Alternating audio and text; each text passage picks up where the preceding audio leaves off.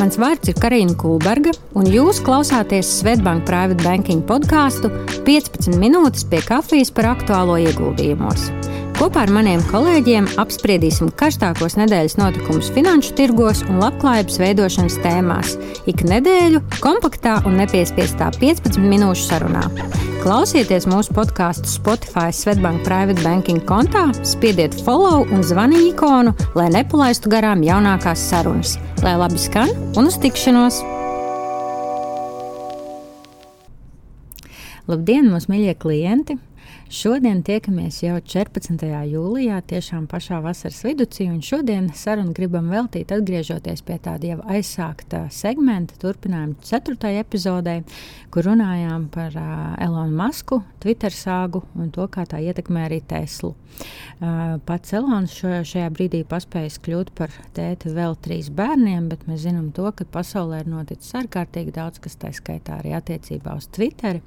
Un līdz ar to es šodien tiekos kopā ar manu kolēģi Līgu Rasu Grāvīti. Līga, čau! Čau! Lai zinātu to, kāda ir jaunumi gan attiecībā uz Teslu, gan uz Elonu Masku, gan uz Twitter, un pēc tam arī pēc uh, Līgas stāsta arī mazliet uh, pastāstīšu par to, kā iet citiem lielajiem pasaules autobūvētājiem. Bet uh, tagad uh, vārds tev, Līga, kā tad ir pa šo gāju, laiku gājis pasaules joprojām turīgākajam cilvēkam Elonam Maskam? Tieši tā arī ir. Karina, kā tu saki, Maskis joprojām ir bagātākais cilvēks pasaulē, kur bagātība ir mērojama 223 miljārdos dolāru. Un saskaņā ar Blūmganga biljonieru indeksu jūnijā Maskis saglabāja vairāk nekā 70 miljardu pārsvaru par otrās vietas bagātāko uh, Amazon dibinātāju Jeffu Bezonu. Un, kas bija nesen, tad Ilons Masks nesen bija desmit dienu ilgā Twitter klusēšanas periodā, ar ko Oho. lika vairāk nekā 10 miljoniem viņa sekotāju un arī plašsaziņas līdzekļiem daudz spekulēt, kur tad viņš šajā laikā ir bijis. Jo reālajā dzīvē Ilons Masks ir atvaļinājuma fobs, kā arī maz ticams, ka viņš šajā laikā ir atpūties. Nu, tad viņš nav tāds tipiskais tomēr latvietis, kurš uh, mēģina izmantot vasaras skaistumu un kaut kādā brīdī aizbēgt līdz jūrai, saprotu. Ja? Pilnīgi noteikti tā nav, jo 2000. gadā, kad viņš bija PayPal izpildu direktors, uzņēmuma valdu viņu atlaida darbā, no darba, kamēr viņš bija ceļā uz atvaļinājumu Austrālijā. Kaut citā reizē viena no viņa raķetēm uzsprāga brīvdienu laikā. Pēc incidenta tehnoloģija Titāns arī sacīja, ka atvaļinājums jūs nogalinās. Masks apgalvoja, ka kopš SpaceX dibināšanas 2002. gadā ir bijis atvaļinājumā tikai divas reizes. Nesen Ilona arī sekotāju skaits Twitterī pārsniedz šos 100 miljonus. Tagad viņš ir sestais populārākais pēc lietotāju skaita. Un tieši šis straujais pieaugums bija vērojams pēc tā, kad Masks nāca klajā ar informāciju par vienošanās ar Twitter valdi un sociālā tīkla iegādi par 44 miljardiem dolāru šī gada aprīlī. Jā, un šo mēs uh, Līga ar tevi jau sākām par šo runāt. Jā, 4. epizodē uh, maijā laikam tas bija, un tu mums iebrīfēji to, kāds tas status uz to brīdi. Izstāsti, kā ir attīstījusies Twitter sāga kopš tā laika, jo kaut kādus pāris skaļos virsrakstus īstenībā mēs esam atkal visi jau paspējuši palasīt ziņās. Jā, mēs ar tevi daudz runājām par to 4. epizodē. Līdz ar to tiem, kuriem interesē un kas seko līdz šim darījumam, noteikti iesaku noklausīties arī to. Bet skatoties uz priekšu, pēc ilgstošām spekulācijām, Twitter iegādes darījums beidzot tiek atcelts. Varētu domāt, ka ar to arī viss beidzies, taču viss nav tik vienkārši. Tesla boss pagājušajā nedēļā paziņoja par nodomu izbeigt iegādes darījumu pēc tam, ka Twitter it kā pārkāpa līguma noteikumus, noklusējot datus par patieso viltoto kontu skaitu. Taču uzreiz Twitter atbildēja ar to, ka ir iesūdzējis Twitter Ilona Maska par atteikšanos no platformas iegādes, saucot to par nelikumīgu. Apsūdzībā arī teikts, acīm redzot, Masks uzskata, ka uz viņu neatiecas Delavēras likuma un ka viņš var brīvi mainīt savas domas arī pēc līguma paracīšanas, traucēt uzņēmumu darbu, iznīcināt akcionāru vērtību un tad doties prom. Twitter paziņoja, ka neviens finansiāls sots nevarēs novērst Maska nodarītos zaudējumus, izņemot to, ka viņam tomēr būtu šis darījums jāpabeidz. Visticamāk, kad ir sākusies ilgstoša juridiskā cīņa, lai noskaidrotu, vai Twitter varēs piespiest Masku pabeigt šo darījumu, vai arī viņam nāksies samaksāt sākotnējo līgumā paredzēto 1 miljārdu dolāru atkāpšanās Masku. Tajā pašā laikā cilvēki ir apjukuši un, protams, cenšas noskaidrot, kāds varētu būt bijis patiesais iemesls tik apjomīga darījuma atcelšanai. Nav nekāds noslēpums, ka maska tvīti liek biržai viļņoties. Neatkarīgi no tā, vai tā ir kriptovalūta, Dogecoin vai Tesla vērtība, ar vienu tvītu pietiek, lai radītu svārstības valstrīti, kas, protams, rada mulsumu racionālam investoram. Masks apstiprināja, ka Twitter iegāde bija viens no lielākajām ziņām akciju tirgu, kā gaidīts. Twitter akcijas vērtība, kas gada laikā bija visu laiku samazinājusies, pēc paziņojuma sāka augt. Tirzniecības eksperti pat uzskatīja, ka Twitter sasniegs 100 dolāru atzīmi. Tomēr pretēji gaidītajam pieaugumam nespēja sasniegt pat 51 dolāru un sāka parādīties stagnācijas pazīmes. Ja mēs skatāmies uz šo brīdi, tad Twitter akciju cena ir aptuveni 35 dolāri, kas ir vairāk nekā 60% kritums no aprīļa cenas un arī tās cenas, par kurām Masks plāno iegādāties sociālā mēdīņu platformu. Tas ir reibinošs uzņēmuma vērtību kritums tik īsā laikā, protams. Tāpat laikā mums jāskatās skatās arī uz otru pusi, kas ir Tesla, kas vērtības arī sāk strauji kristies, ņemot vērā finansējuma bažas saistībā ar Twitter iegādi. Sākās spekulācijas, ka Maskam iespējams nāksies pārdot ievērojumu Tesla akciju daļu. No publiskā paziņojuma par Twitter iegādi 4. aprīlī, kad Teslas cena bija 1145 dolāri, līdz šodienai, kad tā ir kritusies līdz 60, 684 dolāriem, Teslas akciju vērtība ir kritusies arī nu, par 60%. Līdzīgi kā Twitterim. Tas abiem šiem uzņēmumiem, protams, ir radījis nu, ievērojams zaudējumus un arī liels vērtības kritumus. Twitter iegādes darījumam, raugoties šī brīža acīm, ir bijusi milzīga negatīva ietekme gan uz pašu Twitter, gan Teslas akciju vērtību. Cilvēkiem, kuriem ir vairāk nekā 100 miljonu sekotāju un kuru tvīti ir pietiekami spēcīgi, lai liktu pasaules akciju tirgumu dejot, kā viņš vēlas, tā ir liela neveiksme no visiem skatu punktiem. Ņemot vērā jau iepriekš iegādāto Twitter aptvērumu skaitu, Maskam jau ir ievērojama Twitter vadības pietiekams akciju skaits, lai viņš varētu ietekmēt šo Twitter vadības lēmumus. Turklāt, ja Maskis piekristu kļūt arī par valdes locekli, viņš kaut vai netiešā veidā varētu diezgan lielā mērā arī ietekmēt Twitter arī šobrīd, nepabeidzot šo darījumu. Daži eksperti arī uzskata, ka Maskam ir jābūt laimīgam, ja viņš var izvairīties no šī darījuma un arī no tiesas prāvām, samaksājot vienkārši šo vienu miljardu dolāru kā darījuma izbeigšanas maksu, jo zaudējot vienu miljardu dolāru, Masks nepārprotami izvairītos no nevajadzīgiem ieguldījumiem un iespējamiem miljardiem dolāru zaudējumu laikā, kad globālā lejuslīde klauvē pie durvīm un pasaules lielākās ekonomikas raugās uz neskaidro nākotni. Nu, jā, izklausās tā, ka tas cenas piedāvājums par Twitter iegādi, protams, no Elonas puses nāca tādā salīdzinoši, varētu teikt, kaut kādā mērā nelaikā, jo arī visi pasaules finanšu tirgi, protams, ir nu, diezgan lielā turbulencē iegājuši.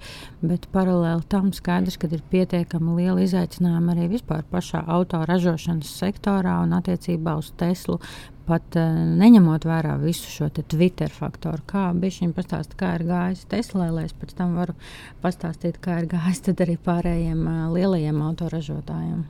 Ja mēs skatāmies no tāda pandēmijas laika, tad šos 18 mēnešos aslī, a, Teslas akciju cena pat patiesībā pieauga 12 reizes, jo mazumtirdzniecības investori elektroautorāta līdzekļu uzņēmumam pareģoja revolūciju globālajā enerģētikā un transportā.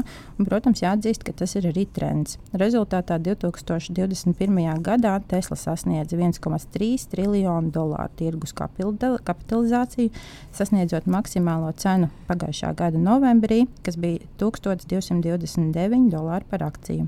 Tomēr kopš tā laika Teslas akcijas cenas ir strauji kritušās, kā jau minēju iepriekš, un uz jūlija sākumu mm, tā vērtība bija tikai 700 miljārdi ASV dolāru. Tesla akciju cenu kritums parāda, ka inflācija un arī pieaugušās procentu likmes var kaitīt izaugsmas uzņēmumam. Protams, Teslas gadījumā ir jāņem vērā arī citi faktori, kas ir ietekmējuši akciju cenu, kā piemēram Twitter sāgu, jautājums par darbinieku diskrimināciju, kas noteikti esat dzirdējuši, un darba apstākļiem uzņēmumā, un, protams, arī pašu kolorīto Elonu Masku. Ja mēs skatāmies pa viņu finanšu rezultātiem, tad patiesībā šis otrais ceturksnis viņiem ir bijis ļoti labs. Un, teš, un arī neņemot vērā uz to, ka arī tādā plašākā tirgu debesis ir uh, savilkušās tādiem tumšākiem. Mm, ekonomikas mākoņiem, un pats arī Masks uzskata, ka recesijas risks ir ievērojams. Un ko tas patiesībā nozīmē Teslai? Tad elektrisko transporta līdzekļu ražotājs paziņoja nedēļas nogalē, ka patiesībā viņa otrā ceturkšņa rezultāti sasniedz 250 tūkstošus, kas ir aptuveni 27% pieaugums salīdzinājumā ar iepriekšējo gadu. Taču apjomu tomēr nesasniedz analītiķu aplēses, kur arī atzīmē, ka kavēs Tesla modeļa 3 un modeļa Y piegādes.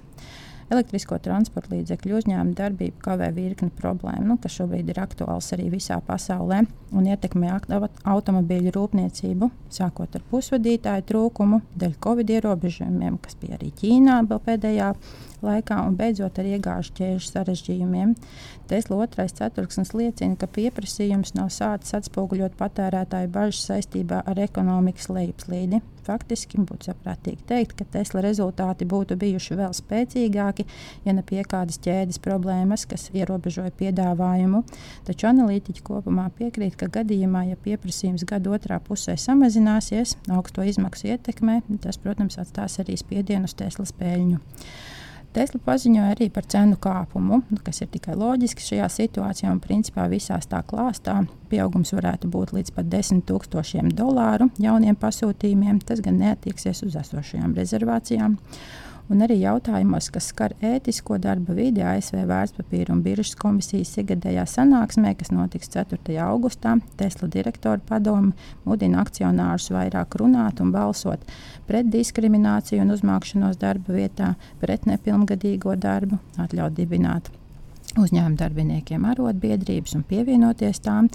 Tas iet, ietvert arī publiski pieejamo informāciju par strīdu skaitu, ko uzņēmums ir atrisinājis, un naudas summām, ko Tesla par tiem ir samaksājusi, kā arī sūdzību izskatīšanas ātrumu. Nu, visi šie globālie, ģeopolitiskie, ekonomiskie, ētiskie un es teiktu arī noskaņojuma faktori visticamāk turpinās ietekmēt Teslas cenu arī nākotnē, kam mēs arī sekosim līdzi. Nu, es domāju, ka noteikti pie šīs tēmas mēs vēl daudz atgriezīsimies, bet tā, no, nobeidzot šodienas podkāstu, jāsaka, tā, man liekas, ka daudz citi autoražotāji varētu uh, skatīties no šiem, tad, kā tu minēji, tumšiem mākoņiem, kas savalkās ap Twitter un, un Elonu Masku un Teslu ar tādu zināmu skaudību, uh, ņemot vērā to, ka tie rezultāti citiem autoražotājiem nu, galīgi pavisam nav tuvu, netik spīdoši. Ja? Un varbūt, ka patiesībā pat tiešām šī auto rūpniecības nozare ir viena no tām, kas visskaidrāk parāda to milzīgo plaisu un atšķirību pēdējo gadu laikā, ko mēs esam iepriekš arī runājuši citos podkāstos, caur tā sauktajiem value investoriem un growth investoriem, vai arī nu, citiem vārdiem sakot, tiem investoriem, kas saredz lielāko vērtību tajos pašreizējos rādītājos, kaut kādos uzņēmumu aktīvos, spējā tiešām kaut ko saražot, vai arī vairāk tajā nākotnes stāstā. Un, man liekas, ka brīnišķīgs piemērs tam ir, ja mēs paskatāmies uz tirgus kapitalizācijām nu, ap šo brīdi tas diezgan ātri mainās, bet, nu, jebkurā gadījumā, ja mēs šobrīd paskatītos Teslu ar kaut kādiem 780 miljardiem nu, uzņēmumu vērtību uh, finanšu tirgos šobrīd, tad tā viena pati ir tik liela kā nākamajiem 11 lielākajiem nu, kopā ņemta. Ja? Tātad Toyotai tā jau ir 3,6 reizes mazāka. Pēc tam nāk Ķīnas ražotājs BYD, tad ir Volkswagen. Respektīvi, nu, tas apjoms pēc tirgus kapitalizācijas Teslā ir, protams, milzīgs. Savukārt, ja mēs skatītos pēc tāda nu, ļoti finansiāli pierasta rādītāja, kā varbūt uh, kopējie ienākumi šiem uzņēmumiem, tad šeit absolūti lielākais ar 288 miljardiem būtu bijis Volkswagen, tad ir uh, diezgan tuvu arī Toyota, Tesla 12. vietā. Ja? Un, uh, mazliet, mazliet ieskatoties, kā tad ir gājis burtiski pārsteigums iepirkumos par katru uh, lielākajiem pasaules uh, autoražotājiem, tad jāsaka tā, ka nu, teiksim, šim te Volkswagenam, kas ir pēc būtībā pēc gada apgrozījuma lielākais pasaulē ražotājs, tad jāsaka, ka tas gads pēdējais ir bijis gaužām skumīgs. Uh, akciju vērtība ir kritusies par gandrīz 40%. Jūs atcerēsieties arī mūsu iepriekšējo podkāstu, kur ar Mārtiņu runājām par to, kā tad ir gājis dažādiem reģioniem un finanšu tirgiem. Un atcerieties, ka arī Mārtiņš piezīmē to, ka Vācija diemžēl ir sagādājusi tādu nepatīkamu pārsteigumu, Vācijas finanšu tirgu nepatīkamu pārsteigumu ja, saviem akcionāriem. Un līdzīgi kā arī Tesla, arī Volkswagen gadījumā tā akcija savu augstāko vērtību bija sasniegusi 21. gada novembrī, kad tā vērtība bija ap 245 eiro, bet kopš tā laika, diemžēl, ir bijis ļoti, ļoti krietns kritums, un šobrīd tā ir ap 130 eiro. Vakar man bija kaut kāds 129, šo, šorīt vēl neesmu skatījusies, bet nu, tas kritums ir bijis ļoti iespaidīgs. Un, protams, kad Vācija vistiešākajā mērā saskarās ar tiem izaicinājumiem, jautājumiem, ko mazliet arī Līga pieminēja attiecībā uz Teslu, kad trūkst būtībā visa pusvadītāja čipu, bateriju, nu, visa pēc kārtas, un īstenībā visas piegādes, protams, ir viens vienīgs izaicinājums.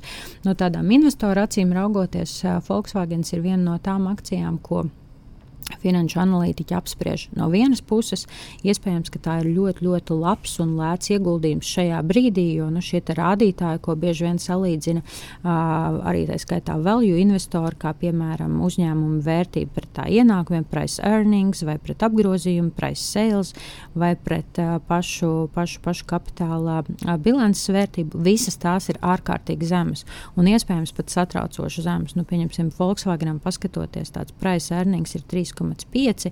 Ja mēs šobrīd skatītos price earnings Teslā, tas ir kaut kādi pāri par 100, apmēram 102. Ja, tad, tad atšķirība ir milzīga. Uh, bet no šajā brīdī jau daudzi, ja Morningstar analītiķi saka, ka tas ir viens no izdevīgākajiem pirkumiem, ko šobrīd ieiet, tad ir citi analītiķi, kas savukārt uzskata, ka tie riski tomēr ir ārkārtīgi, ārkārtīgi lieli.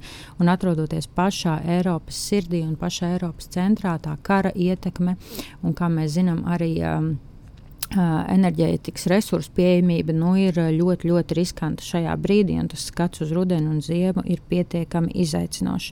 Skaidrs, ka Volkswagen nu, arī nesnauž. Viņi domā par to, kā jau atvērt paši jaunu akumulātoru rūpnīcu, ieguldot tajā 20 miljardus, kur varētu sākt ražot 25. gadā. Tāpat arī viņi cer tieši savus ienākumus nākamajos gados palielināt, kas interesanti elektroautorāta segmentā. Tieši tieši uz Ķīnas tirgu visvairāk, un vispār tēmā uz to, ka šajā gadā vajadzētu ienākumiem pieaugt par 8 līdz 13 procentiem.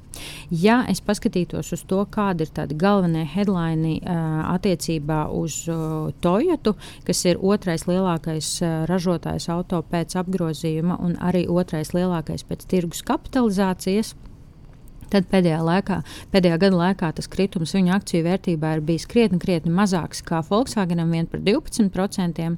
Un piecu gadu laikā nu, tas pieaugums ir bijis arī salīdzinoši mērens, bet ir bijis uh, augstākais punkts vēl bija šī gada janvārī. Tātad ar mazu, mazu nobīdi iepriekš skatījāmies uz pagājušā gada novembri, tad šeit vēl tas augstākais pīķis bija janvārī. Bet arī varētu teikt, ka nu, šie rādītāji, kas būtu tas price earnings, ko es minēju iepriekš arī par Volkswagen, te jau ir krietni labāk zemāki, 10,39, bet nu, nekādā veidā nepielīdzinām tam, ko, protams, mēs redzam pat Teslu. Ja, un, eh, ja skatītos uz pirmā eh, ceturkšņa rezultātiem, tad, diemžēl, bija jāsaka tā, ka Volkswagenam jau pirmajā ceturksnī bija tāda uh, apgrozījuma neliela samazināšanās, tad attiecībā uz Toyotu ir neliels pieaugums par 4%, bet, diemžēl, peļņa būtiski, būtiski krit, krītās. Un viņi ir daudz piesardzīgāki attiecībā uz prognozēm par šo gadu. Viņi saka, ka ienākumi varētu labākajā gadījumā augt par kādiem 5%, bet, diemžēl, ienāku, peļņas pusē viņi redz, ka tas kritums būs vēl par kādiem 20%, jo viss kļūst dārgāks, pieejamība ar vienu samazinās. Līdz ar to tas satraukums tur ir.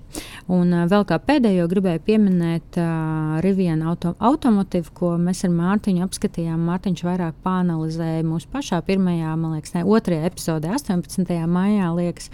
Un tas ir uzņēmums, kas nolistējās laikā, ko mēs vairāk kārtīgi šajā podkāstā pieminam. Tas ir 21. gada noslēgums un novembris, nu, kad uh, lielā mērā tās cenas bija tādā pašā pīķī un visaugstākās. Piedāvāja toreiz viņa savu IPO cenu 78 dolāriem, drīz vien tā uzleca jau pat drusku virs 100 bet gada laikā, un tad vienā momentā tur uzkrāja pat šķiet līdz 170, bet pašlaik tā ir pēdējo nedēļu laikā nu, kaut kur cirkulē ap 32 dolāriem. Ja?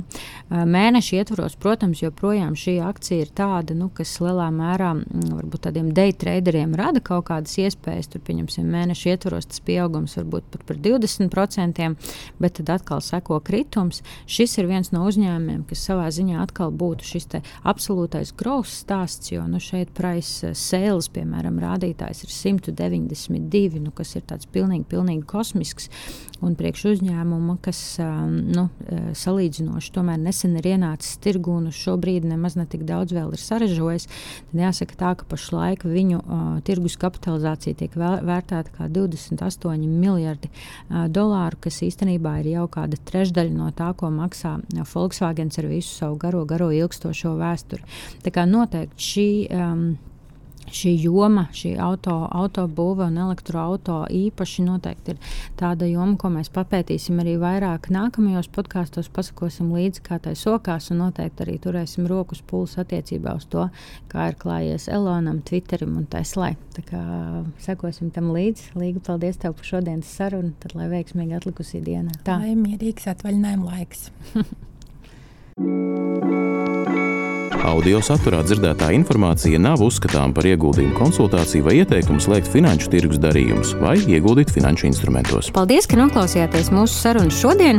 Atgādinu, ka, lai nenokavētu jaunākās epizodes, spiediet follow un zvaniņu ikonu Spotify kontā Svetbank Private Banking, lai laba diena un uz drīzu tikšanos!